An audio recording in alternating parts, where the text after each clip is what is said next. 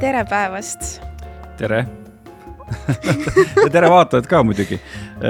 vot nüüd on niimoodi, et kõik, kes meid on vaadanud sellest suurepärasest platvormist, mis oli TV, TV. iga kord lihtsalt tv3 play.ee. ja, et need, kes sealt vaatavad, need ei olegi sellist paigutust näinud kevad on tulnud ja ma ei ütleks, et see on nüüd äh, otseselt meie uus paigutus, et me oleme väga palju vaeva näinud, vaid see näitab seda, et me oleme väga vähe vaeva näinud. ehk siis keegi ei ole meile külla tulnud sellepärast, et me ei ole kedagi kutsunud ja me ei ole kutsunud sellepärast, et meil on olnud väga äh, tihedad ajad mm -hmm. väljaspool Eestit ja mm -hmm. siis me mhm. mõtlesime, me räägime natukene ähm, kuidas siis väljaspool Eestit on ja, ja kuidas see tegelikult mõjutab äh, kogu su vaimu ja kas see turgutab või pigem nagu närtsitab mm. -hmm. räägime kõigepealt ära, et kus keegi käis. kus sa käisid I'll go first, on ju. ühesõnaga, nojah, et vaata viimati, kui me siin ju koos istusime äh,, oota, tegelikult enne veel üldse, kui me hakkame rääkima, me peame rääkima elevandist siin toas, õigemini nendes kahes pudelis siin laua peal. vaata nüüd meil on, meil on ikkagi video podcast ehk nüüd on ka näha, mida me ju siin sööme ja joome samal ajal. Siis me kogu aeg tegelikult tõgime siin vaata.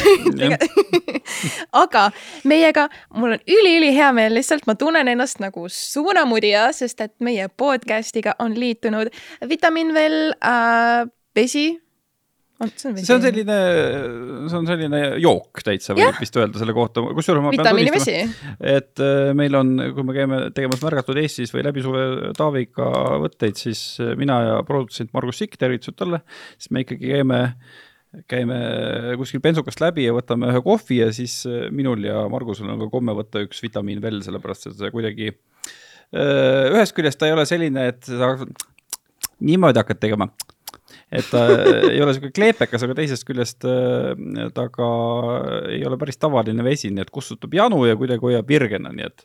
kas siin on kofeiin vesi. sees või? ei, kofeiini seal ei ole. no pagan võtaks, ma juba lootsin, okei okay.. no hästi, ega ma võib-olla tarbingi muidu liiga palju kofeiini, aga jaa, tõesti, minul on meloni maitse, mis maitse sul on? mango ja ananassi maitse. kas sa oled joonud seda varem? olen küll, jah. ja see on täitsa maitsev. on jah? Ma ütlen täitsa ausalt, ma olen tohutult kriitiline ja tihtipeale kõik inimesed, kes on midagi valmis saanud ja lasevad mul maitsta, ilgelt kardavad, et ma sõiman neid, aga seda vitamiin Velli ma tõesti ei sõima, väga maitsev on. kuule, mulle küll jumala meeldib see meloon.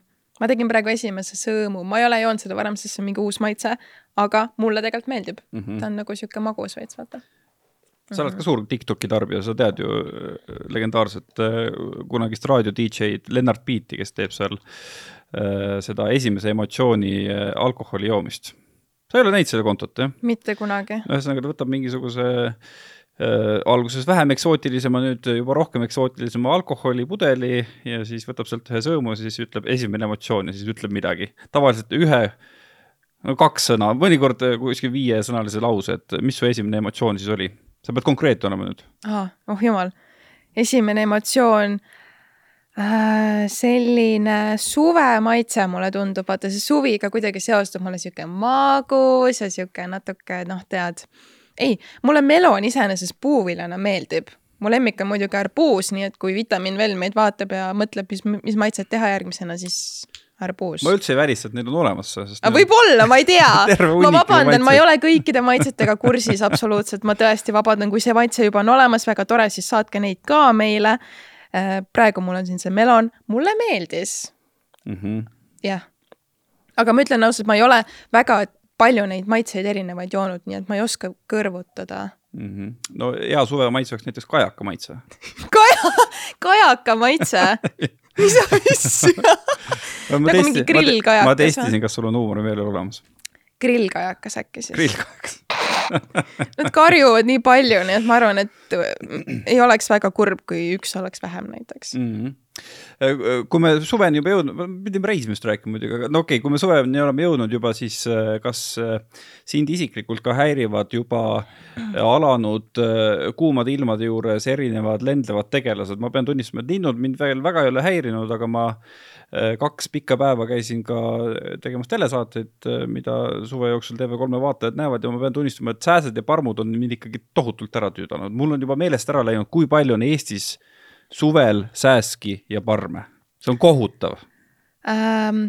tead, vaata, ma ma elan ju linnas selles suhtes, vaata linnas on üsna vähe sääski mm, -hmm. parme ju sisuliselt ei olegi tegelikult aga ma olen sinuga nõus selles suhtes, et kõik siuksed, need lendlevad mingid sääsed, parmud, herilased, ähm, mesilased, kõik äh, rõvedad putukad, kes sind äh, ründavad, on väga nasty'd ja kui ma lähen Tallinnast välja, kasvõi kui ma lähen oma vanemate koju, mis on nagu kilomeeter Tallinnast metsa vahel maja, seal on nagu sitaks sääski. ja kui ma vanasti seal elasin, see oli nagu väga-väga tüütu linnas vaata, ma ei pea selle probleemiga nii palju tegelema, vahel kui sa näiteks lähed mere äärde, siis on ka, aga nagu kuskil betoondžunglis nagu on neid vähemaks jäänud. ma olen kuulnud sellist teooriat ja isegi mõned mu tuttavad on äh, praktikas järele proovinud, et kui sa lased alguses, noh suve alguses või kevade lõpus ennast sääskedel korralikult ära pureda, siis nad rohkem ei taha sind, et et kuidagi siis tõmbab mingisuguse immuunsuse peale, ma ise ei ole seda katsetanud, aga võib-olla peaks sa oled selline pisike ka, nii et sa võiks ju lasta ennast korra ära süüa, mis see, mis see sulle maksab? Uh,. oota, aga mis see siis tähendab, mitu sääske mind sööma peab? ei no ühel päeval lihtsalt lähed välja ja kui nad hakkavad sind sööma, siis sa kuidagi noh, kannatad ära, ütleme nii, ja siis Aa. no, noh. et lähen välja lihtsalt mingi my no, body is ready võib-olla mitte päris niimoodi, et sa ühe minuti oled väljas, siis mõtled, et nüüd on kõik ära söödud, aga, aga noh, tõesti, kui sa ühel õhtul lähed kuhugi äh,, istud, ma ei tea, kas enda enda terrassi peale või lähed kuhugi kohvikusse, välikohvikusse ja tõesti ikkagi lased paar tundi ennast närida niimoodi, et sa noh, hambad ristis kannatad ära, siis peaks tegelikult mõjuma niimoodi, et et kuidagi ülejäänud suve jooksul või vähemalt teatud perioodi jooksul äh, sääsed ei kipu sulle ligi enam. kuidas see võimalik on, mis loogika seal on? et need sääsed lähevad ja räägivad oma teistele sääst-, sääsesõpradele, et kuule, näed, vaata see tšikk seal, me juba sõime, suht mehh, vaata, et nagu ära, don't bother, onju. ei, nad ei räägi, nad panevad Facebooki üles palun jagage! Aga no ju nad siis nagu noh, ikkagi ega see ei ole ka ainult ühepoolne ju, et nad imevad su, sinust verd välja või kuidagi. et ilmselt nad mingisuguse oma DNA jätavad ka sinna ja võib-olla siis äh, kuidagi ülejäänud sääsed saavad aru, et see on juba kasutatud, et kasutatud keha, et seda vana ronti ei taha, et las ta natuke taastub aga kõik kuulajad ja vaatajad võivad muidugi järele katsetada ja siis meile märku anda, kirjutada ja joonistada meile uh,. jaa, keegi võiks selle katse päriselt ära teha ja siis öelda, kas see toimib, enne kui ma lähen ja nagu mingit inimkatset enda peal teen mm. -hmm. Mm -hmm. aga, aga nii, tuleme nüüd siis reisimise sa pidid rääkima, et kuhu, kus sa käisid? jaa, okei okay., aga veel enne, veel enne siiski, oot-oot, see käib selle juurde, see käib selle juurde. Taavi, mul on sulle üllatus. nii kas sa mäletad, kui me istusime siin, rääkisime Eurovisioonist, mida sa tahtsid minu käest? seda mingit higipiiska. ja selle Noa Kirelli higipiiska tahtsid, onju? nii äh,.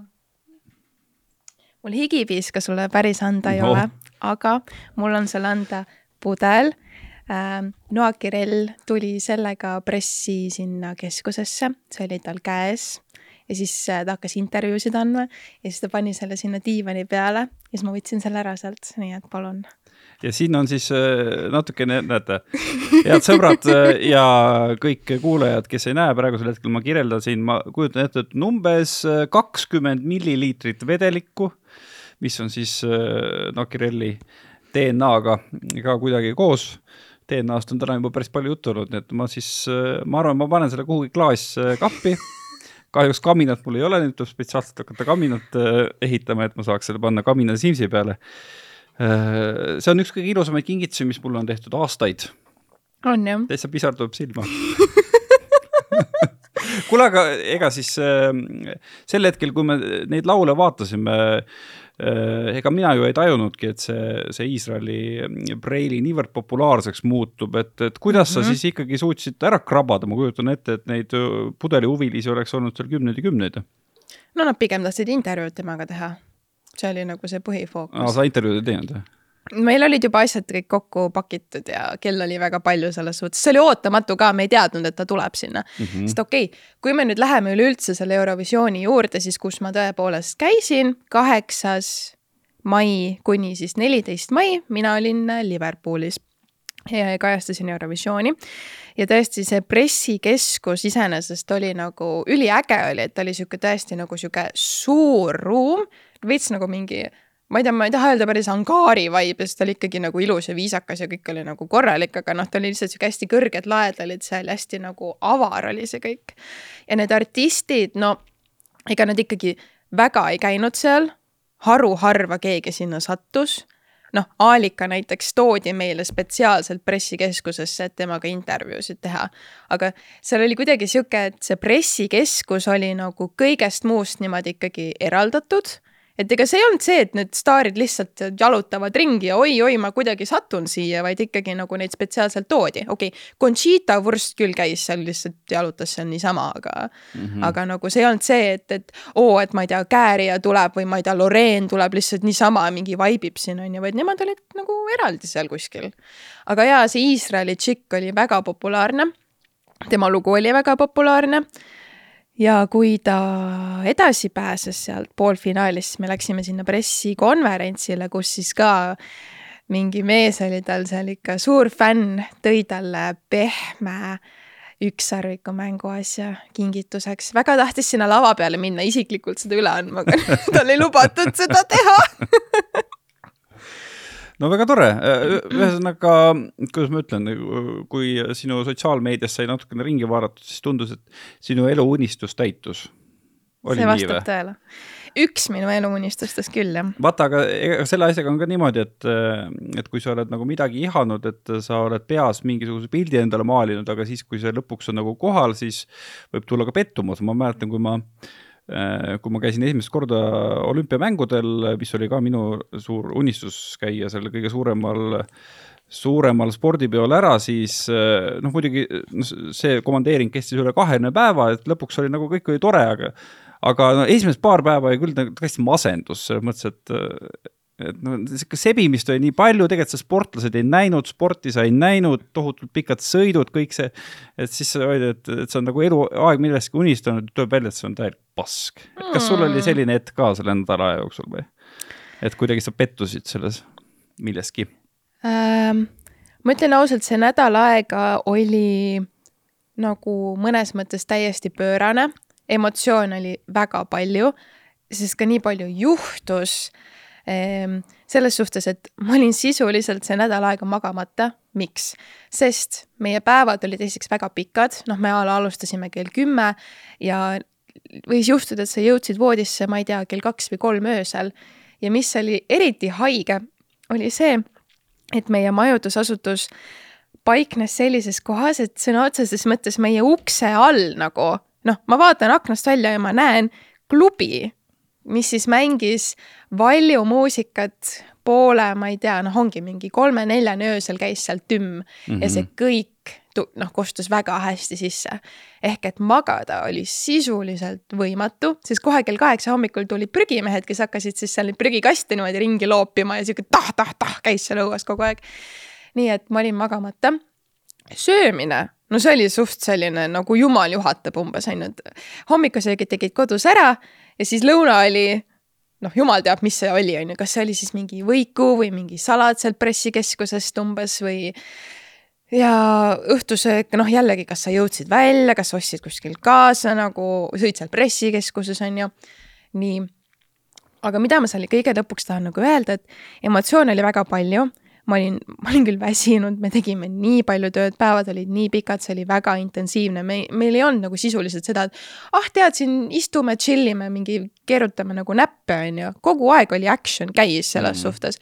kas sa olidki pressikeskuses, tegid seal tööd või sa olid kuskil linna peal, ma ei tea, Eurokülas või tegidki mingit reportaaži kuskil, on ju. aga kas ma teeksin seda uuesti? sada protsenti see oli, see oli nagu ma arvan ikkagi üks mu elu parimaid nädalaid. ma absoluutselt, ma ei kahetse nagu mitte midagi, selles suhtes ma olen nii, nii, nii, nii, nii happy, et ma seal käia sain.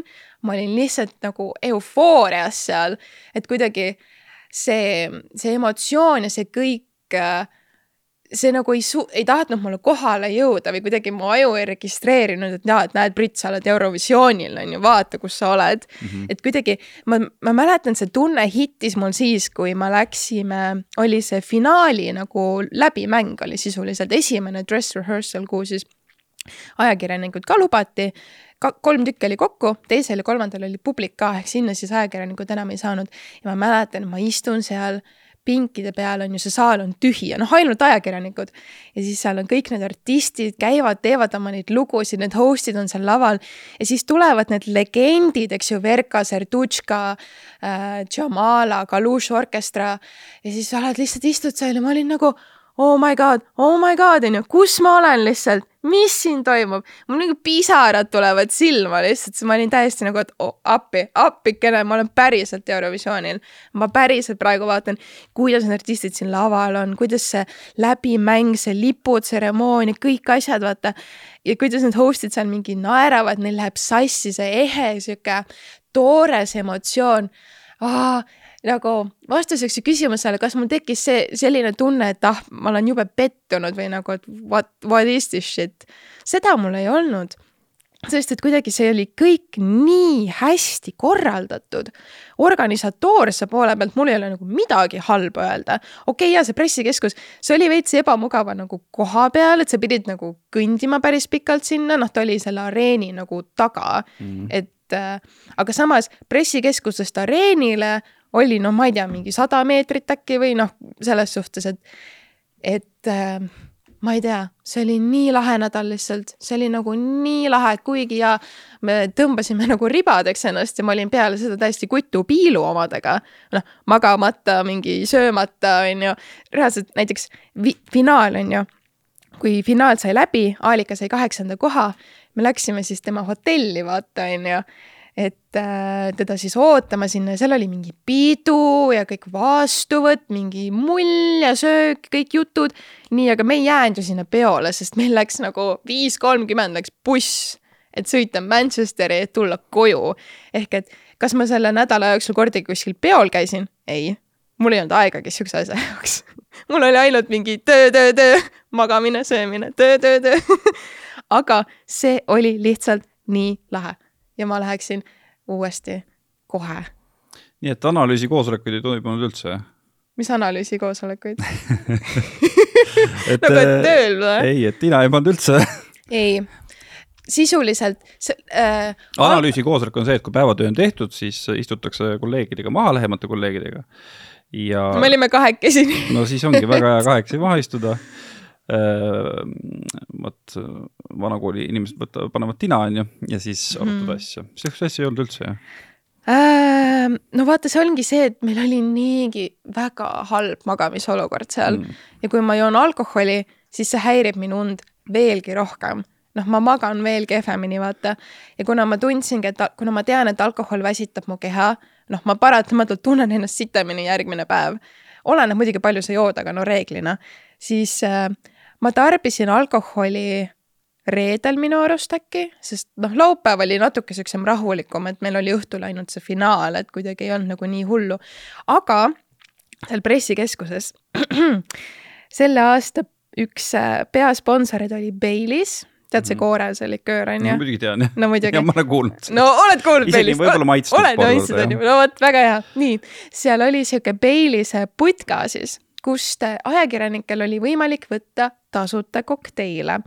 ja oi, need kokteilid olid siuksed grandioossed, siukses ilusas äh, pokaalikeses niimoodi klaasis, sinna pandi vahukoort ja kõik erinevad mingid särgid-värgid ehm,. Neid oli muidugi küll limiteeritud koguses, ehk sa ei saanud nagu terve õhtu seal trimbata mm.. Need oli küll mingi kindel nagu kogus seal, aga ma näen, noh, pidevalt kõik ajakirjanikud käisid seal lihtsalt tuimalt neid kokteile kogu aeg joomas, et noh alkoholi nagu ikkagi pakuti, mitte küll võib-olla päris äh, niimoodi, kui sa võib-olla, ma ei tea, kas siis ootad või ei oota, aga et see oli päris huvitav. et seal olid mingid siuksed mingid tuhandekalorilised mingid Baileys'e kokteilid no väga tore ju siis. jah, oligi väga tore, ma ei suuda, mul ei jätku sõnu lihtsalt, et seda kirjeldada. ma usun, et kui keegi kedagi Eurovisiooni üldse ei huvita, vaata teda ei huvita ka see, mida ma praegu räägin, aga ma ütlen, ma olen ever since, kui ma Eurovisiooni hakkasin nagu jälgima, siis minu jaoks oli see, et äh, ma pean kunagi seal ära käima, noh, publikuna või siis, et ma töötan seal näiteks. kuidagi, noh, muidugi see tundus mulle nagu väiksena veel utoopilisem, et mis mõttes ma töötan Eurovisioonil, kuidas sa isegi töötad Eurovisioonil, on ju, mhm. kuidas see käib, kellele ma kirjutan. aga see, et mul päriselt avanes võimalus töötada Eurovisioonil ja veel nii nagu minu arust ägedal Eurovisioonil. minu arust see show oli nii lahe, need lood olid nii head kuidagi minu jaoks, võib-olla täpselt, võib-olla ma ei ole nüüd enam objektiivne, sest ma olin seal sees, aga minu hinnangul kuidagi see aasta oli nagu väga bängar. ja kui me nüüd nende lugude juurde korra tuleme, vaata, kui me siin ennustasime, on ju. nii, Rootsi võitis, surprise, surprise mm, -hmm. ei ole, on ju. aga ma ei ole mitte kunagi näinud, et üks eurolugu, Soome, Cha-Cha-Cha, ühendaks niimoodi inimesi, nagu see lugu tegi see lugu huugab endiselt, huugas siis ja huugab endiselt sotsiaalmeedias ja pressikeskuses, kui see lugu, kui see lugu tuli peale, I shit you not lihtsalt kõik ajakirjanikud jooksid sinna pressikeskuse sinna keskele kokku ja siis hakkas sihuke pidu, kõik olid seal mingi tša, tša, tša, tša, tša. ja siis, kuidas inimesed nagu seisavad seal, ootavad seda tulemust, kes see võidab, kes see võidab ja siis Soome sai vaata ähm, telefoni hääletusega üle mingi kolmesaja punkti, on ju, ta mhm. tõusis esimeseks. ja siis kõik olid juba mingi ah,, tuleb ära, tuleb ära, vaata. ja siis, kui ikkagi Loreen võitis, see tuju lihtsalt kukkus nagu kõmm. kõik olid nagu mingi, aa siis. noh, saad sa aru, inimesed niimoodi lootsid, et Soome võidab ja siis Soome ei võitnud ja kuidas rahvas ju röökis seal saalis mingi tša-tša-tša ja mingi kääri ja noh, host'id ei saanud rääkidagi, sest mm. rahvas nagu röökis lihtsalt, onju. et kuidagi see oli nii ilmselge, et rahvas tahtis Soome võitu. pärast ka me jalutasime seal pressikeskusest nagu koju, kõik on lihtsalt mingi nojah, lähme siis koju, onju. mitte mingit peomeeleolu, mitte midagi polnud. ja siis veel mingi auto sõitis meist mööda, kus see tša-tša-tšad nad nagu lasid nagu kõva mm. nagu volüümiga, vaata siis me olime ka seal mingi yeah, let's go ehk mul on siiralt, siiralt, siiralt südamest nii kahju, et Soome ei võitnud. ma lootsin väga, et Soome võidab, sest et see lugu aina kasvas ja kasvas mu südame ümber, mulle ikkagi lõpuks see väga-väga meeldis. see, kuidas seal pressikeskuses kaasa elati, kuidas inimesed seda fännasid, kõik olid nagu hullult nagu elasid sellele käärijale kaasa ja siis läks ikka nii, nagu pidi minema siis või ma ei tea. nojah.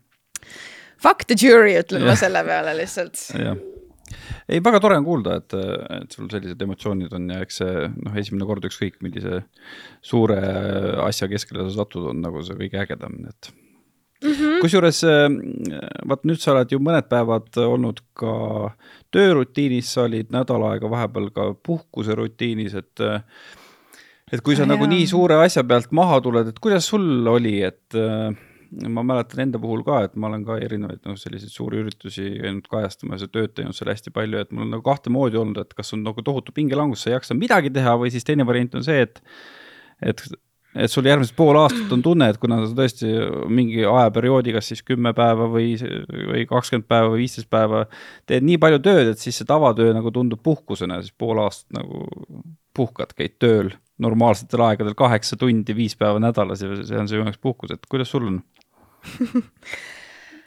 um, jaa, ma jõudsin ju neliteist mai tagasi Eestisse. väga, no ma olin, ma arvan, maganud mingi tund, tund pool või midagi sellist äkki. ja ma olen ka sihuke inimene, kes ei suuda ju magada lennukites, bussides, autodes, ma ei maga mitte kuskil, kui see ei ole nagu pikali, sorry, pikali nii, et äh, toas on pime, siis ma ei maga. ehk siis ma jõudsin koju ja mul läks tegelikult kohe järgmisel päeval uus lennuk hommikul, ma läksin Viini ja sellega on omaette lugu. aga mul oligi tekkinud ikka väga korralik unevõlg Liverpoolist. ehk et ma arvan, sisuliselt esimesed päevad ma magasin nagu mingi üksteist tundi lihtsalt. noh, et ongi, et me alles saime, ma ei tea, peale võib-olla ühte umbes kodust välja või midagi sellist, et et mul oli ikkagi väga jah korralik unevõlg tekkinud. ja algul ikka oli natuke sihuke, noh, ikka oli kurb, vaata. et kuidagi mm -hmm. see nädal algul tundus nagu, et issand, see on nii pikk nädal, on ju. mul on veel nii palju päevi siin, mis noh, et, et on ju tegevused ja kõik asjad. ja siis see oli järsku nagu läbi ja ma olin nagu appi, oota to, tooge tagasi, palun, tooge tagasi, viige mind tagasi sinna algusesse, palun, ma ei hinnanud seda piisavalt. et äh, mul oli päriselt ikkagi kurb reaalselt sealt ära tulla ja ma olingi, et issand, et kuidas see nüüd kõik läbi on, oh my god, see oli ainult nädal aega, onju. ja siis ma juba hakkasingi mõtlema, et oh, okei okay,, ma tahan järgmine aasta veel minna, äkki ma ikka saan minna, ma loodan, et ma saan minna. aga noh, Viinis ma ikkagi ega ma enam väga palju nagu ei mõelnud selle peale või ma nagu mõtlesingi, et okei okay,, noh, see nüüd jäi sinna, eks ju. ma protsessisin nagu läbi selle enda jaoks, et mm. jah, ma olin kurb, aga samas ikkagi tore kogemus ja järgmine aasta tõesti noh, et äkki, äkki on nagu uuesti, aga tavatööle, tavatööle tagasi tulemine puhkuselt ei ole kunagi meeldiv, ma ütlen ausalt. mul ei ole seda, et ma tulen puhkuselt tagasi ja ma olen nagu vau, mul on nii palju energiat, mul on nii palju ideid, onju, ma hakkan nüüd mm -hmm. lammutama siin vaid pigem ma tulen, see nädal aega niikuinii ei olnud tegelikult piisav aeg, et sellest isegi välja puhata või noh, ma oleks, ma arvan, mingi kaks nädalat, kolm nädalat, kuu aega võinud rahulikult chill ida, on ju, niimoodi veits nagu maha laadida. aga kuidagi puhkuselt tagasi tulemine on alati hästi raske minu jaoks vaimselt.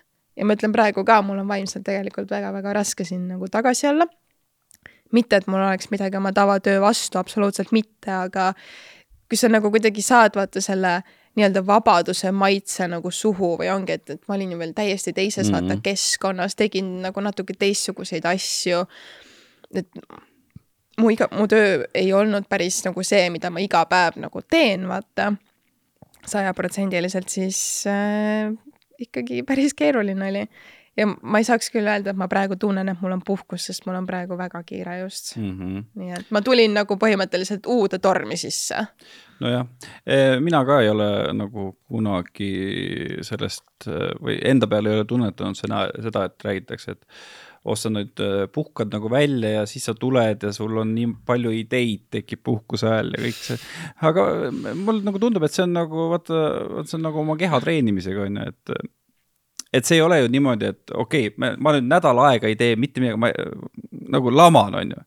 ja kui ma tagasi tulen, ma ei ole ju treenitum, kui ma jäin enne mm, -hmm. eks mm. -hmm. et noh, põhimõtteliselt sa pead nagu hakkama ikkagi nullist tegema, et ka see, et noh, kõikide nende inimeste puhul, kes ei tee füüsilist tööd, no ikkagi natukene läheb aega, et sul üldse nagu vaim tööle hakkaks ja noh, tihtipeale su kolleegid ja ja ka su ülemused on ka sellised, et ah, sa oled nüüd ära olnud, et nüüd sa tuled tagasi, nüüd sa oled nii puhanud, et nüüd, nüüd saad kohe nagu härjal sarvist haarata, et tegelikult nagu mingisugune periood läheb üleüldse, et sa kuidagi uuesti kohaneks sellega, et, et tööl olla, et mm, -hmm.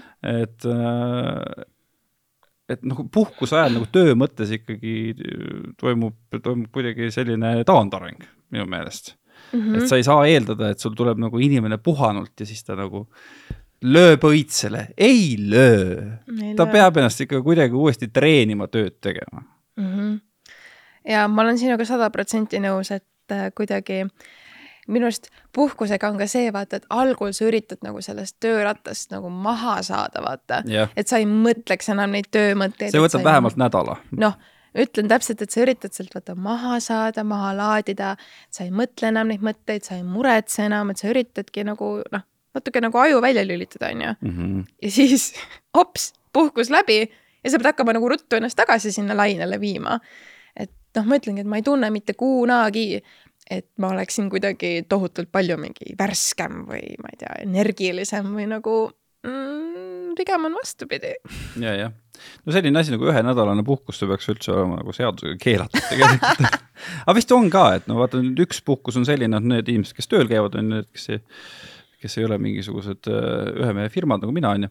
et, äh, et need, neil on vist ikka nagu seaduses täitsa ette nähtud, et korra aastas sa pead vähemalt kaks nädalat korraga võtma, kuigi ka see kaks nädalat on selline, siis sa oledki nagu ühe nädala sa nagu tuled maha ja ühe nädala sa pabistad, et kohe kõik on perses, kõik aeg on ja, läbi, sa pead kohe tööle minema. et see kolmenädalane puhkus on selles mõttes hea, et siis saad ühe nädala seal vahel nagu puhata ka. ma olen sada protsenti nõus sinuga lihtsalt nagu siis täpselt nii ongi, ega isegi see kaks nädalat, ma ütlen, see ei ole piisav. I need nagu mul on, see on, see on see nali, vaata, et mul on vaja äh, kuue kuu pikkust puhkust kaks korda aastas. okei, Taavi, enough nii. about me, mida sina tegid uh,? oota, ma mõtlen, kus, kus nüüd täpselt alustada, et uh,. algusest. jah, et kas kuidagi on võimalik seda õpetada ka, ühesõnaga uh, hästi-hästi intensiivne kevadperiood oli, kuna me oleme siin podcast'is, kui me omavahel oleme jutustanud, oleme rääkinud ka, et ma olin nagu sel aastal hästi haige mm. -hmm. ja talvel ma olin siis esimest korda no üle, ikka üle aastate niimoodi, et ma nädal aega olin sõna otseses mõttes voodis pikali, aga noh, kui, kui on selline töö või siis noh loominguline projekt, mis ongi sinu töö, et sa pead nagu tegema teatud arvu ühikuid ühe hooaja jooksul saateid, siis noh, tegelikult see, sa võid mõelda, okei okay,, ma olen nädal aega pikali, aga tegelikult mõjutas see kogu suve, sellepärast et mingid võtted jäid ära, tekkis mingisugune võlg, on ju, siis tekib see vaimne surve, see, et sa pead nagu kuhugi pressima sisse mingisuguseid asju, nii planeerimise asju kui ka võtteasju, mis sul on tegelikult planeeritud varasemaks. Et no tegelikult kogu see esimesed neli kuud mul läks ikkagi noh, selle nahka et ma olin haige ja siis ma olin ikkagi nagu täitsa nagu läbi olin omadega. ja siis ma käisin Hispaanias kokku natuke üle kahe nädala, esimesed noh, viis-kuus päeva olin oma abikaasaga Barcelonas. ja siis abikaasa sõitis koju, tema oli enne olnud siis meie pere noorema lapse ja siis minu emaga veel natuke lõuna pool noh, põhimõtteliselt huvituslinnas ja siis nagu mina läksin ka sinna järele ja, ja siis me seal hängisime poolteist nädalat. hängisite? jah. oota, sa olid ainult poolteist nädalat Hispaanias või? ei olnud ei, Hispaanias ma olin pikemalt, no ütleme, et ma olin siis noh, viis päeva olin Barcelonas ja ja noh, kuskil kümmekond päeva ma olin siis Alicantes mm.. no kuidas oli? No vot, see on ka see, et äh, et kui sa ikkagi äh, puhkad äh, lapsega, siis see ei ole nagu puhkus ma arvan, et kõik teavad seda. et see ikkagi nagu, kõik see kese on ikkagi nagu see laps, on ju, eks et noh, et kõik see, mis ta tahab ja mis ta nõuab ja et sa tahad ju tegelikult, et ta oleks tore ja teisest küljest äh, noh, tal on väga tore ka istuda tahvlis ja mängida Robloksi, on ju mm. -hmm. aga sa ju oma eest ei taha, et ta mängiks, ma ei tea, kolm tundi Robloksi päevas, eks. miks mitte? no sellepärast, et ma ei teagi, natuke paljuks läheb äkki ja noh, ja nii edasi, ühesõnaga no see nagu ähm,, et see nagu ei olnud päris puhkus, on ju mm. -hmm. et äh, ma kuidagi, noh, ma sain päikest küll ja.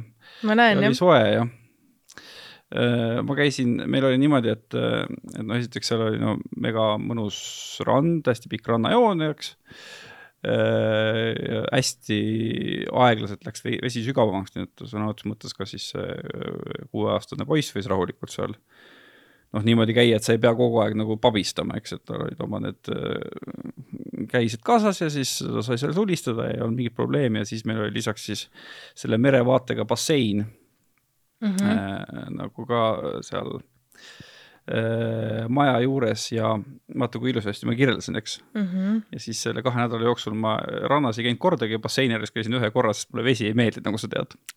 sa oled tõesti nagu mingi ähm, inimversioon kassist või midagi. kuidas saab, et sulle ei meeldi vesi, kuidas see võimalik isegi on? kusjuures, äh, kui ma siis korra basseinis käisin, siis ma käisin põlvedeni sest nii vastik oli lihtsalt, saad aru ma ei suutnud, ma ei suutnud rohkem sisse minna, see oli mingi pluss kakskümmend kaheksa oli sel päeval ja ja basseini vesi ei olnud e erakordselt külm, aga kuidagi vastik oli. Noh. okei okay.. okei okay., sa vaatad mind sellise näoga, nagu ma, nagu ma oleks puudega või vabandust, erivajadusega tuleb tänapäeval öelda, nüüd ma, ma ei, ma ei soo-, ärge mind tühistage, palun, ma mõtlesin erivajadusega. ja, ja ma kohe kindlasti ei vaata sind niimoodi. mul on tõesti selles mõttes erivajadus, et mulle ei meeldi vesi ja mulle ei meeldi rand okay.. siia, siiamaani ei meeldi ma võin randa veel võib-olla mingi määrani mõista, et okei okay,, seal on liiv, on ju, liiv läheb igale poole, nagu mm -hmm. me mhm. teame. inimesed on ju, võib-olla on räpane veits, võib-olla see vesi ei ole eriti nagu meeldiv, aga kuidas, kuidas sulle saab vesi mitte meeldida, kuidas, kuidas nagu see, ma ei saa, see ei mahu mulle pähe. mulle meeldib vesi, kui see on äh,, tuleb dušist näiteks. ma just tahtsin või... küsida, kuidas see duši all käib või, või vann, mulle ka meeldib, vann on väga mõnus näiteks. mis loogika seal on lihtsalt? sest ma saan reguleerida või... seda, kui soe see on, esiteks. okei okay,, kas asi on temperatuuris siis võib-olla tõesti, jah aga siis ei ole asi vees ju. Ah. noh, seal on ju vahe, kas sa lähed mingisse jääkülma basseini, ega mulle ka ei meeldi. jääkülm, jumala eest, see oli. mulle ka ei meeldi see oli väga soe ikkagi tegelikult, aga ma ei tea, mul nagu ei, ma ei vaibinud sellega üldse. vaibinud selle Jah. veega oota, aga kuidas sa siis jahutasid ennast? kas sa lihtsalt piinlesid ei, või? ma ei piinanud, selle, vot see oligi nagu see vahe, et esiteks äh, no me nagu elasime ikkagi noh, Eesti mõistes külas, eks mm. -hmm. et äh, käisime küll alguses rendiauto, hiljem bussiga ka Alicantes, mis on noh, selline, ma pakun äh, noh, poolteist Tartut, selline, selline korralik linn, eks, aga, aga esiteks, no seal ei olnud mingi, ühtegi putukat, eks Mhm. see oligi mul täielik šokk, et, et kui ma olin kaks nädalat nagu selles mõttes juba temperatuuri ja looduse mõistes suves olnud ja siis ma tulin tagasi ja me hakkasime kohe esimesel päeval tegema, tegema võtteid, siis oli igal pool olid mingid putukad. Mhm. et no juba see oli nagu mõnus ja teiseks, noh, see on ikka tohutu vahe, et kas on selline parasvöötme niiske kuumus või on selline no ikkagi küllaltki kuiv, kuiv kuumus et äh, ei ole nagu ebameeldiv. Mhm. aga mis te nagu tegite seal? lihtsalt chill isite või? peamiselt küll jah, käisime mm. -hmm. linnas ja kui ma, noh, kui me Barcelonas olime, siis me nagu ikkagi noh, jalutasime ringi ja käisime igal pool, aga seal tõesti noh, sa oled kodus ja siis käid päev otsa lapsega kuskil lõbusas pargis ja siis puhkad päeva järgmise päeva, sest see on lihtsalt nii kurnav, eks.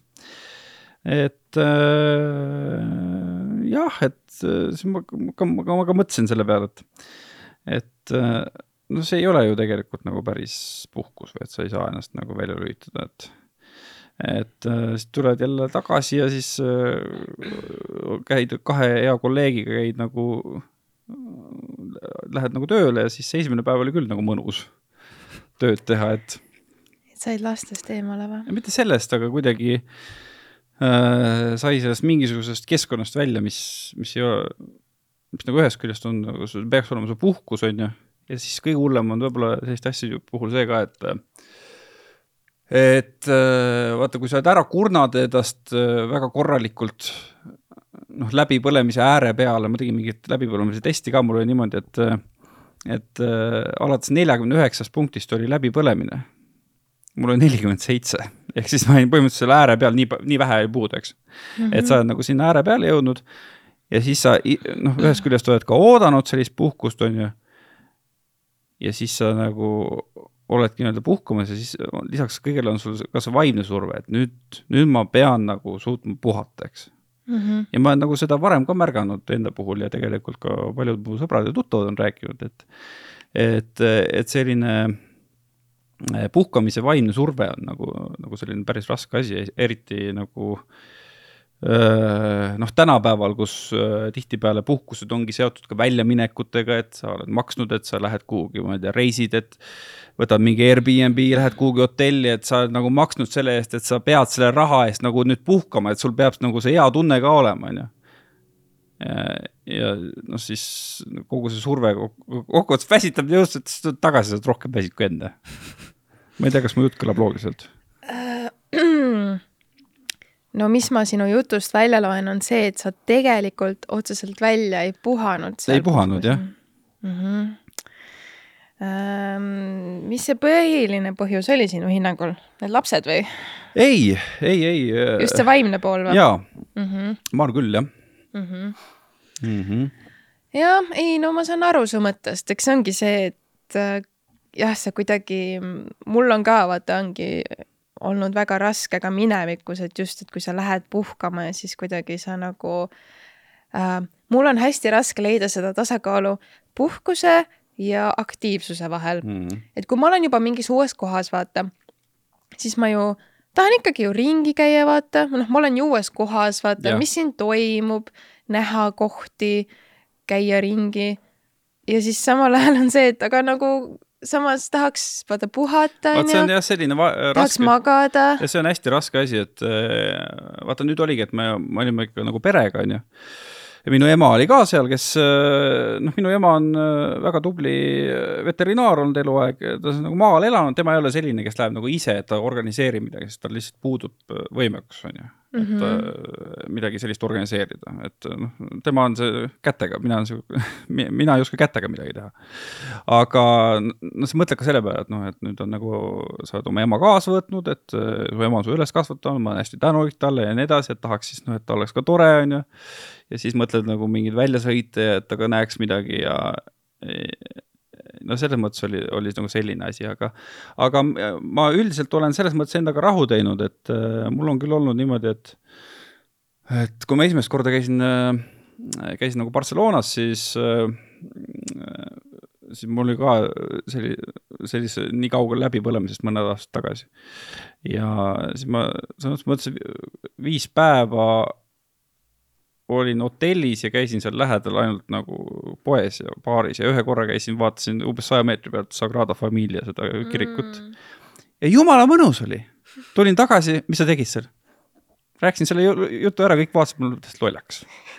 aga selles mõttes jumala mõnus oli, et kui sa suudad selle äh, selle rahu nagu endaga teha, siis, siis see on isegi kõige parem puhkus, on ju, et, et kui ma oleks nagu noh, Eestis olnud sel ajal, need viis päeva, siis oleks ikka hakanud midagi tegema mm. -hmm. aga mhm. seal nagu ei saanud midagi teha ja sa suuda, kui sa suudad ennast välja lülitada, et sa nüüd noh, sa oled siin kuskil nagu uues kohas ja sa pead midagi nagu ringi rapsima ja vaatama ja kogemusi ja emotsioone koguma, siis, siis on nagu võimalik puhata küll aga mm -hmm. just see, nagu see mingi, mingi väljalülituse tegemine on muidugi keeruline. sest no endal on ka, et noh, lähed kuhugi suurte linna, kus ei ole vahel käinud, et siis sa pead ringi traavima nagu lollakas ja mm -hmm. midagi nagu koguma, aga tegelikult ei pea, on ju. Mhm. mul on äh,, mul tekivad retsid, süümekad alati, vaata. ongi täpselt see, et ma nagu tahaks puhata ja mingi magada ja yeah. olla niisama ja siis samal ajal sa oled nagu, aga ma olen nagu uues kohas ja võiks ju ikka ringi käia, võiks ju välja minna. ma vist ei, ma ei ole veel sa-, suutnud endaga seda rahu nagu saavutada lõplikult mm. -hmm. It's a work in progress. mul on isegi kohati nädalavahetuseti tekivad tohutud süümekad, kui ma magan kaua, kuigi ma tean, et ma olen nädala vältel, mul on väga lühikesed unetunnid ja siis jõuab nädalavahetus ja siis umbes, kui ma magangi kauem, mul ikka tulevad mingid süümekad, aga praegu on nädalavahetus, miks sa ei tee midagi, miks sa ei lähe kuhugi, miks sa ei naudi seda ilusat päikselist ilma, vaata päike ka muudab selle asja veel eriti hulluks. sest see on see, et Eestis vaata on nii vähe päikest, et mm. kui umbes vaata päike paistab, miks sa õue ei lähe, onju, miks sa ei naudi seda päikesepaistet. aga jah, et samas see nagu täpselt see teine pool, et aga see on okei okay, et ma ei lähe, kui ma tunnen, et ma praegu tahan magada mm. või puhata või noh, mida iganes, ma tahangi olla siin hotellitoas või siin korteris, et ma tegelikult ei taha sinna välja minna, siis noh, teoorias, noh, mis sa sunnid, noh, mis sa sunnid ennast, siis pigem juba võttagi see otsus nagu vastu, et okei okay,, ma olen siin, ma ei hakka meeletult täpselt nagu ringi traavima, nagu sa ütlesid, mhm. onju et ma ei tee mingit tohutut, ma ei tea, kultuuritegevusprogrammi, vaid ma pigem võtangi siis selle aja iseendale, et lihtsalt olla. ja noh, kui sa suudadki vaata siis nagu leppida iseendaga, et äh, jah, ma praegu puhkan, noh, muidugi see on maagiline, aga ma veel päris seal vist ei ole, mul ikka need väiksed silmekad nagu tekivad jaa, ega see ongi hästi keeruline ja noh, väga paljud inimesed seda ei saavutagi, ega ma räägin, et et mul ka oleneb olukorrast, kui see selline asi õnnestub nagu saavutada ja, ja noh, teinekord sa ikkagi nagu põed, et, et oled juba siia tulnud ja. ja nüüd ma ei tee midagi, on ju. Mhm. jah, oled makstud selle kõige eest, jah. muidugi, sihuke hull ma ikkagi ei ole, et ma mingi kell seitse tõuseksin ja kohe hakkaksin kuskile nagu jooksma, on ju, et noh, mhm. seda ma nagu ikka ei tee. näiteks mulle üldse tegelikult ei meeldi hotellides käia, sest et need hotelli hommikusöögid on nii varajased. aa, me hakkame kell seitse ja lõpetame kell kümme. nagu ma tahaks magada alles kell kümme, kas te võiksite kell üksteist äkki lõpetada? aga kas sa tunned ennast kehvasti, kui sa noh, ütleme nii, et lähed üheksa viiskümmend viis ja siis oled poole üheteistkümneni niimoodi, et. Nad ei lubagi olla. lubavad olen... küll, tegelikult ei, lubavad. ma olen ma olen teinud tegelikult seda, et ma nagu lähen ikkagi noh, a la kümme kolmkümmend või midagi, on ju. kui on näiteks see. üheteistkümneni on kui on üheteistkümneni. siis sa oled kümme kolmkümmend, siis on. ei ei siis kui... võib-olla on tõesti pahane ei, kui on kümneni, siis jah, mingi üheksa kolmkümmend on ju. aga kui on näiteks a la üheteistkümneni nädalavahetusel, noh mingi mhm. kümme kolmkümmend, kümme nelikümmend viis ja sa lihtsalt, sa tajud ja vaata, ma olen teeninduses töötanud ma tean, kuidas need teenindajad minust mõtlevad yeah.. Nad mõtlevad, et kuradi lollakas, vaata onju, hommikusöök on kella kümneni või kella üheteistkümneni. mida sa istud siin onju mm? -hmm. meil on olnud korduvalt seda, et meid nagu sõna otseses mõttes nagu pekstakse viisakalt minema, et okei okay,, aga et me nagu koristame ja pakime kokku, et tšop-tšop-tšop on ju, minge ära mm. -hmm. ja ongi, et mul, ma ei olegi saanud nagu mingit a la hommikusööki nautida ja ilmselgelt ma olengi siinkohal süüdi, sest mina läksin tõesti nagu nii-öelda viimasel minutil. ma saan mhm. aru sellest, et nagu nemad teevad oma tööd, vaata. ja ma ütlen, ma ei taha olla see inimene, kes nagu nii-öelda passib peale sulgemist, on ju sest kui, kui ma olen töötanud restoraniteeninduses, ma tean täpselt, kui tüütu see on, vaata. hommikul no, muidugi on nagu veits lambinaima no,. see ei ole päris niimoodi jah, ma arvan, et eks sa oled ka nõmedam inimene nagu paljud teised, kes teeninduses töötavad, et see, aga. mina olen nõmedam inimene mida? et ma mõtlen, et võib-olla kõik niimoodi täpselt ei mõtle, aga ma saan su, ma saan su põhimõttest ka päris hästi aru, eks et äh,. mina ei ole veel kohanud mitte kedagi, kes rõõmustaks selle üle, kui ta tahab kell äh, umbes üheksa või kümme uksed kinni panna ja siis mingid tondid otsustavad seal kella kaheteistkümneni tiksuda mm. -hmm. ei ole meeldiv. aga räägi edasi ma ei mäletagi, mul läks ka äh, nagu ära. sa rääkisid, kui nõme teenindaja ma olin jah äh, ei, noh muidugi jah, et äh, sellised pikad hommikud, see on mõnus puhkus, et mm -hmm. kohvikus ja mm. -hmm ma tahan lihtsalt kaua magada ja siis äkki kunagi süüa. miks peab see hotelli hommikusöök kell seitse pihta hakkama, kellele seda vaja on? Neile inimestele, kes äh, teevad tööd. no jah, okei okay,, tore, ma ei tea, mingu välja, siis noh, no mu point on lihtsalt see, et kuidagi ma tunnen, et enamus inimesi on ju ikkagi puhkuselainel ja ma ei taha puhkusel ärgata kell seitse ma ei taha tavapäevalgi ärgata kell seitse, aga ma ärkan kell kuus, nii et mm. -hmm. ühesõnaga, reisimine on väsitav. jaa, väga väsitav. väga väsitav. eriti need lennud. ma ei ole tohutu lendamise fänn. kes üldse on lendamise fänn? kas sa tead kedagi, kes oleks lendamise fänn?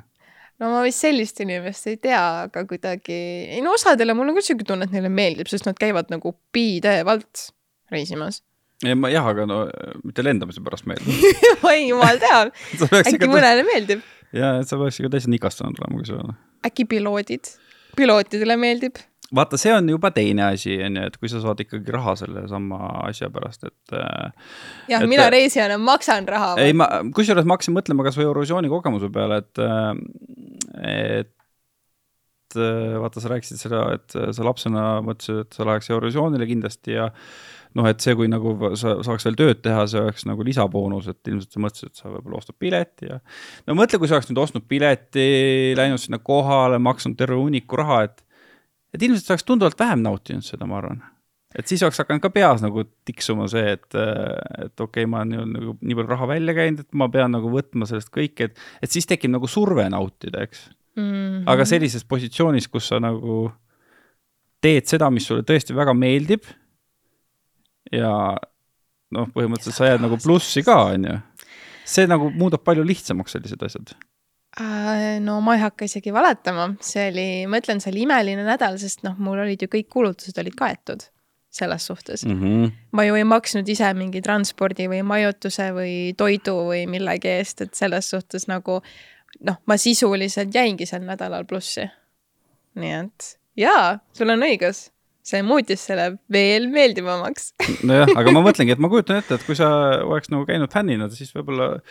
ma arvan, et mul oleksid need eurod hakanud peas ja, jooksma ja, ja. kindlasti, sest mm -hmm. see mhm. oli väga kallis, noh, ma ju tean roughly, kui palju see maksma läks. see oli väga kallis mm. -hmm. Eurovisioonil käimine on väga kallis noh, siin ei ole küsimustki selles suhtes, et saada neid pileteid, majutust, ega ju toit ja jook oli ju igal pool ikkagi suht nagu kirves selles suhtes. mitte küll Eesti hindadest nagu väga palju kaugemal, aga ikkagi noh, sul võis ikkagi ühe mingi toidukorra peale viisteist eurot läbalt minna. ja, jah ei, ma mõtlengi kusjuures, et meie ümber on ju eriti minu meelest eestlased, nad on hästi sellised, et et äh, nemad kuidagi suudavad selle lüliti ka enda sees äh, vaigi, välja lülitada või siis noh, välja vajutada või siis kuidagi selle ääre ära vaigistada, mina näiteks ei suuda, ma mõtlen kasvõi noh, mingite küllaltki kallis, kalliste ürituste peale, nagu on mingisugused äh, festivalid või kasvõi nagu ma võtan spordis on see Rally Estonia, kus see mingisugune pass maksab terve kuradi persetäie raha, on ju, siis sa pead maksma selle eest, et sa pead, saad oma autoga kuhugi minna, siis sa ja nii edasi ja nii edasi, ööbimisest maksad, on ju. ja siis meil on hästi palju selliseid tegelasi, kes teevadki selle tohutu väljamineku, minu meelest tohutu väljamineku, siis nad nagu panevad tina ja siis põhimõtteliselt nagu magavad selle ürituse sisuliselt maha sellest et, ma ka ei saa aru. milline hingerahu peab sul olema, et need on ikka erakordselt terve vaimse tervisega inimesed, kes sellist asja suudavad teha. mina näiteks ei suudaks. mina ka ei suudaks. mul hakkaks rahast ikka väga kahju, ma arvan muidu vaata puhkusel on küll see, et ma proovin, et ma olen ka muidu sihuke inimene, et ma nagu kogu aeg hästi mõtlen nagu raha peale, vaata, et kõik asjad oleks makstud ja, ja et nagu, et kui palju kõik asjad üldse kokku maksavad ja mm -hmm. kõik on mhm. nii kallis ja tralala. aga puhkusel ka ma proovin kuidagi mitte nii väga neid eurosid kogu aeg vaadata ja lugeda, vaata noh, et lihtsalt okei okay,, ma olen puhkusel, jah, mul kulubki siin rohkem raha, ma ei tee oma kuradi lõunasööki ette, on ju, ma ei söö kodus, ma ei tee ise süüa, eks ju. aga ongi, see on see üks või kaks nädalat, eks ju mm. -hmm. et tegelikult ei juhtu midagi hullu, ma ju ei ela iga päev niimoodi. et siis sa üritadki niimoodi nagu veenda ennast, et ei ole hullu, et okei okay,, et nagu ma tahan minna sinna, ma ei tea, Viini loomaaeda, pilet on, ma ei tea, mingi kakskümmend kaheksa eurot nägu, on ju. jah, see on veits kallis, kui me võrdleme nagu, ma ei tea, Tallinna loomaaiaga. aga see oli ka mingi miljon korda parem selles suhtes mm. -hmm. kas ma nagu kahetsen seda raha? absoluutselt ei kahetse. mul on need mälestused, need pildid, kõik asjad, et äh, et ongi puhkusel kuidagi, ma ei taha nagu neid eurosid nii väga lugeda. jah yeah., no ma pean muidugi siin selle disclaimer'i tegema, et, et see jutt, mis me nagu praegu räägime, see käibki ikkagi nagu äh, üksi või koos noh, sõbra või partneriga reisimise kohta, et, et kallid kõik äh, lapsevanemad, kellel on peres kaks või kolm või isegi ma ei tea, neli last, see on täiesti teistmoodi, et kui sa lähedki reisile, sa ei saa mõelda selle peale, et sa peadki ikkagi nagu iga euro, eurot mõtlema, sellepärast et sa lähed korra kuhugi välja ja sul on nagu üle saja euro läinud. aga, aga tõesti noh, kui sa, kui sa reisid üksi või kellegiga koos, siis noh, pigem see mingisugune planeerimine võib-olla teha ära enne reisi, et sa noh, nii kallisse kohta lihtsalt ei lähe, kui sa oled juba selle valiku teinud, siis noh. no mine ja naudi, mida sa saad sellest, kui sa lähed kuhugi, siis käid kuradi iga päev, ostad ainult Lidlist toitu. mine mm -hmm. siis võta midagi kuradi kohalikust restoranist, eks mm. -hmm, mm -hmm. ja maksad selle paar korda ja vähemalt sa oled midagi saanud jaa, täiega. noh, täpselt jah, mul ei ole ka lapsi selles suhtes, et ma ikkagi reisin lihtsalt koos oma elukaaslasega, et aga noh, täpselt, see ongi see point, et kui sa juba oled ju läinud, no lihtsalt naudi mm, -hmm. naudi, et sa oled seal, et sa oled teises riigis, et keegi teine teeb sulle süüa, eks ju, restoranis on ju, et ähm, seda peabki nautima ja ei tohi ennast nagu halliks mõelda, et oh, kui palju see kõik mulle maksma läheb. palju mul siin reisil raha kulub, on ju. no muidugi, kui see on, ma ei tea, tuhandetes eurodes, võib-olla siis peaks nagu natuke mõtlema, et no okei okay,, on ju. aga muidugi, kui sa tahad seda lubada endale. nojah, saab ka niimoodi, saab ka niimoodi nagu äh, Andrei Zevakin, et käib ära ja siis pärast, et oi, seitse tuhat kakssada läks. no läks no, vist, läks vist vähe palju. Läks vist vähe palju, jah ma isegi küsisin neilt selle kohta, nad ütlesid ka, et ei no me seal võtsime vabalt ja noh, nagu läksimegi nautima, vaata. aga no vaimse tervise mõttes muidugi äh, viis äh, pluss nendele tüüpidele, eks. et äh, noh, jah, et äh,. hästi jah. elame on selle asja nimi. tahaks ka minna baalile ja seal seitse tonni lihtsalt äh, laiaks lüüa. ma küll ei saa seda teha aga ma tahan nii et kui keegi kuskil rahapatakaid välja jagab, siis palun võtke ühendust mm. -hmm. Mm -hmm. mida siis me lõpetuseks ütleme, kas äh, lähme veel reisima sel suvel või? hea küsimus. Ähm, välismaale ma arvan, et ma, ai, võib-olla isegi lähen, see on hetkel natuke lahtine veel. Lätti ei ei, Lätti ei ole mul plaanis minna ühte teise kohta. aga ma arvan, et äh, kuna see ei ole veel sada protsenti kindel, siis ma veel siin sellest ei räägi. aga meil on plaanis elukaaslase perega siis minna Hiiumaale ja kusjuures ma ei ole vist täiskasvanuna mitte kordagi Hiiumaal käinud mul on, ma küsisin ema käest, ta ütles, et ja, ja me vist kunagi käisime, kui te väiksed lapsed olite, aga rohkem ei ole käinud, nii et ma olen väga elevil, et minna Hiiumaale. Mm.. Hiiumaa on selline saar, et äh, nüüd on ju Hiiumaa muutunud selliseks äh, väga popiks kohaks ja ja igasugused tegelased, kes arvavad, et nad on, äh, nad hästi zen ja hästi ägedad, siis on Hiiumaale mingisuguse maalapikese hankinud ja sinna mingi inspiratsioonitalu püsti pannud, eks. aga mm -hmm. mina olen ka ühe korra elus käinud Hiiumaal ja ma, mul jäi väga halb mulje sellest. et seal oli nagu minu meelest ainult mets ja Kärdlas oli üks kaltsukas wow.. Ja, seda ma lugu olen ka rääkinud äh, ka suurema avalikkuse ees nii tele kui raadioeetris ja siis äh, hiidlased on alati tohutult vihastanud. Öelnud, sa pead uuesti tulema, no ikka, ikka nagu sõimanud mind selle jutu wow. eest. aga ma pean tunnistama, et mul siiamaani ei ole tekkinud isu Hiiumaale anda uut võimalust aga.... aga millal sa käisid seal? paar aastat tagasi. paar aastat tagasi? kolm-neli aastat tagasi äkki jah hmm.. et mulle ei meeldinud Hiiumaa. kus sa käisid seal siis?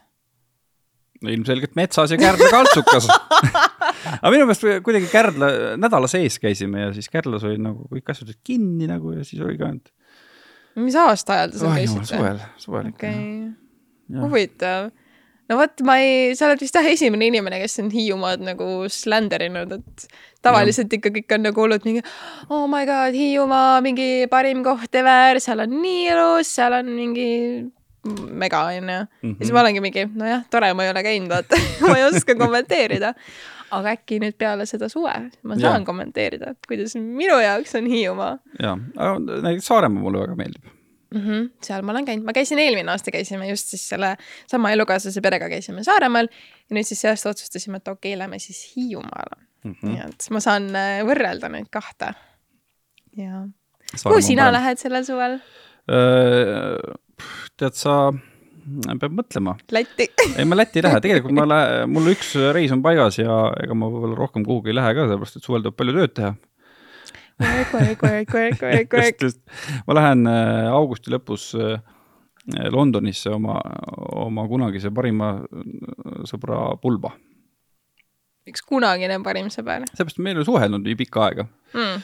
või noh, selles mõttes, et kui sa ikkagi igapäevaselt ei suhtle, siis kuidagi, no ma võin öelda praeguselt ikka parima sõbraga. aga natuke oleme nagu kaugemaks jäänud, aga no, kui, kui me kokku saame, siis on alati nagu parim sõprus jällegi. ja see, ütleme nii, et kui ta rääkis mulle selle pulma eelarvest, siis mul muidugi, mul tekkisid ärevushäired tema eest.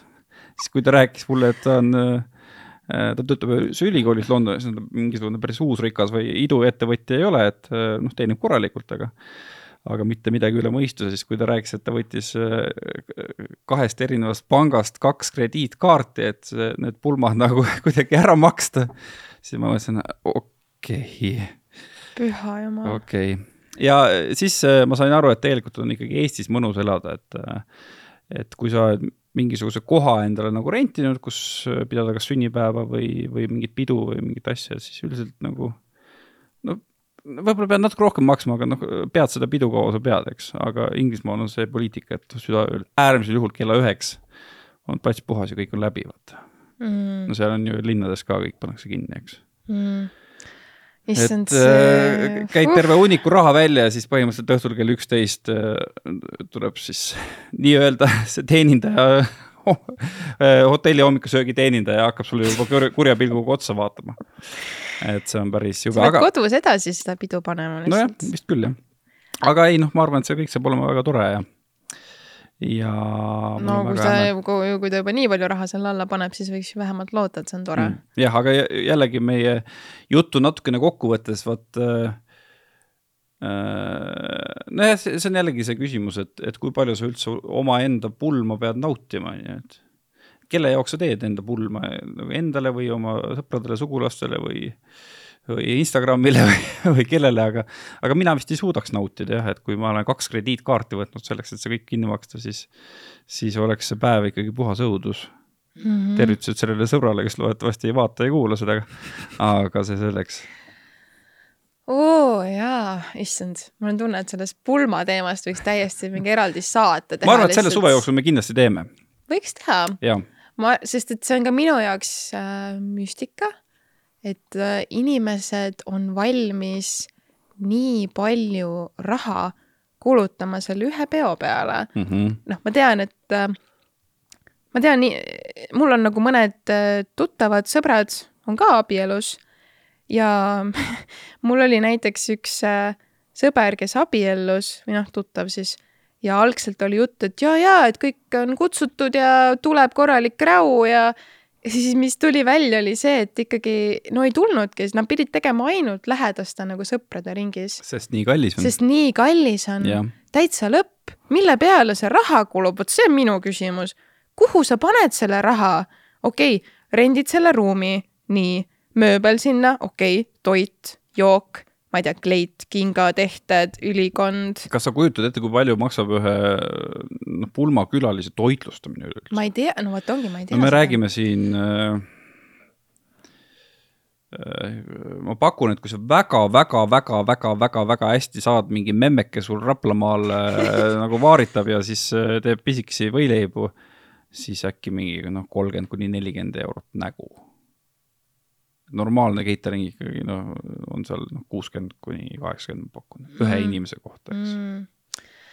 ei, ma selles suhtes, et kuule, kalleid pulmasid on ju aegade jooksul tehtud väga palju ja tehtakse ja. ka edaspidi, et ma arvan, et see oleks väga põnev rääkida kellegagi.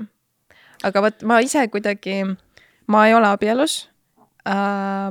ma olen ise mõelnud, et kui ma peaksin kunagi abielluma äh,, mm., siis okei okay,, kui mul on valida, kas, ma ei tea, kahekümne tonnine pulmareis või kahekümne tonnine pulm mm, -hmm. no kas siin on küsimustki või? ma lähen iga kell selle lennuki peale enne mm.. noh, selles suhtes, et nagu, kas sa kulutad selle raha mingite ägedate sihtkohtade ja mälestuste peale, mida sa saad, ma ei tea, kahekümne tonni eest, ma ei tea, kui kaua sa saad reisil olla. või versus see üks pidu. noh, selles suhtes, oota, aga kuidas sinu pulm oli? Minu pulm oli väga äh, selline väike ehk siis seda ei olnudki siis, me käisime registreerimas ja siis pärast oli meil selline istumine äh,. istumine ja natukene tellisime snäkke ja, ja need, kes hiljaks jäid, need äh, pidid vahepeal käima äh, Telliskivis söömas, sellepärast nägid seda otsa ja siis tulid jälle peole tagasi. et hästi selline rahulik oli ja, ja see. kus te istusite? meie hoovis oh. okay. eriti odav lihtsalt. ja küllaltki odav jah. aga no tore oli, siis pärast käisime reisil ja. nii et te panitegi siis reisi alla ikkagi ju? no selles mõttes rohkem kui pulmad alla jah. noh, ma ütlen, nii võikski minu arust kuidagi need pulmad ka, ma ütlen, see on jälle see sihuke tohutult mingi kapitalistlik mingi sihuke komme jälle onju.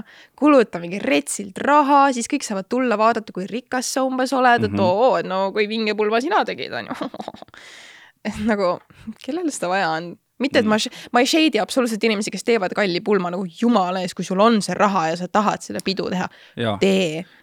nagu Godspeed ma lihtsalt tean, et mina ei ole niivõrd rikas. mina ka ei shade'i, kutsuge mind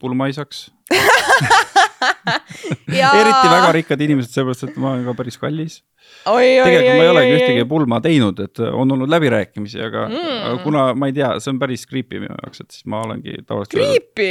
ma ei tea, see on ikka kuidagi vastutus ja kogu see värk, et ma võin ju mingit äh, lolli mela ajada ja mingisuguseid asju teha, aga see, võib-olla see mingi asi, et sa pead nagu kuidagi organiseerima ja siis selle hetke, kui on mingid nagu kuradi tõotuste andmised ja asjad, et selle ka nagu tegema, et seda vastutust mm -hmm. väga ei taha, et et siis ma olen öelnud alati sellise summa, et keegi ei ole mind ikkagi tellinud, õnneks aga kes väga tahab, siis kirjutage mulle ja peame läbirääkimisi mm.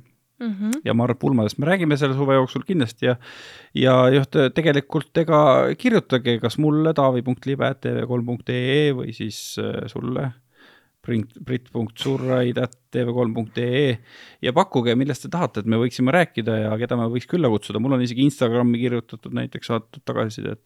mulle võib ka Instasse kirjutada. me peaks laskma siia podcast'i algusesse panna need tiitrid koos nende Instagrami handle itega, vaata äkki ma saaks rohkem follower esid. sina jaa. Äh, ma arvan, et ei saa see... no ei saa jah, kõik teavad, et ma olen suhtes, vaata, siis mehed on juba automaatselt, ah, suva see on ju. aga no kirjutage igale poole meile ja siis äh, võite helistada ka. näiteks TV3 äh, üldnumbril ja, sest sinna ju ei helistata üldse pidevalt, et Kirgede torm on jälle eetrist maas, kus on subtiitrid. ka mulle on helistatud selle pärast. isikliku numbri peale. päriselt ka või? ei. oh my god, issand kõudne. ma ei teagi, noh, rääkisin natuke prouaga ja siis ütlesin, et pole hullu, küll tuleb mm.. ja siis rahustasin ta maha kusjuures just äh, ma lõpetuseks räägin hästi kiiresti ühe loo. üleeile äh, helistati mulle ka ja, ja paluti mult, äh, oled kuulnud sellises saates nagu Täistund, mis on Kanal kahes, eks mm? -hmm. et äh, oli üks proua, kes palus seda Täistunni numbrit. Et ma ütlesin, no aga vaadake seal saate lõpus, ei seal saate lõpus ei ole. et kas te saaks edasi öelda, siis ma ütlesin, aga mis mõttes nagu, no te kõik, kõik töötate seal ühes majas ju, te kõik tunnete kõik. mina näen ilusasti, te olete kõik seal, sealsamas kasti sees. et sa ju su-. ja ma, mul ei õnnestunudki, ma üritasin kümme minutit talle selgeks teha, et, et need on erinevad majad, need on erinevad kanalid, erinevad firmad, ei. nii et äh, ma armastan lihtsalt vanu inimesi, kes ei saa mitte millestki aru, see on nagu mu lemmik lihtsalt. mulle vahel saadetakse ka nagu personaalselt mulle emaile, et miks ei ole uurija veeral subtiitrid umbes õigesti paigas, mõtlen ka nagu, mida mina teha saan nagu. pane paika noh okei okay,, läheb ülge mülaks ära, ma arvan, nii et tõmbame otsad kokku. Igatahes saime natukene südant puistada, võib-olla teie, head sõbrad, saite natukene ideid, sellepärast et kindlasti kõik puhkuseplaanid ei ole teil veel tehtud, saite ehk natukene julgustust võtta asju vabamalt või mingeid soovitusi, nii et äh, igal juhul äh, puhake ja kui te puhkate, siis tõesti võtke mõnuga, ärge muretsege oma puhkust ära, sellepärast et see kohutav pime talv ja sügis ja kevad on jälle tulemas ja siis te kahetsete seda, et no, te oma puhkuse maha muretsesite? jaa, kõik, mida Taavi ütles. Ja ma lisan siia lõppu ka lihtsalt väikese kommi kõikidele, kes siiamaani jõudsid ja meid kuulasid.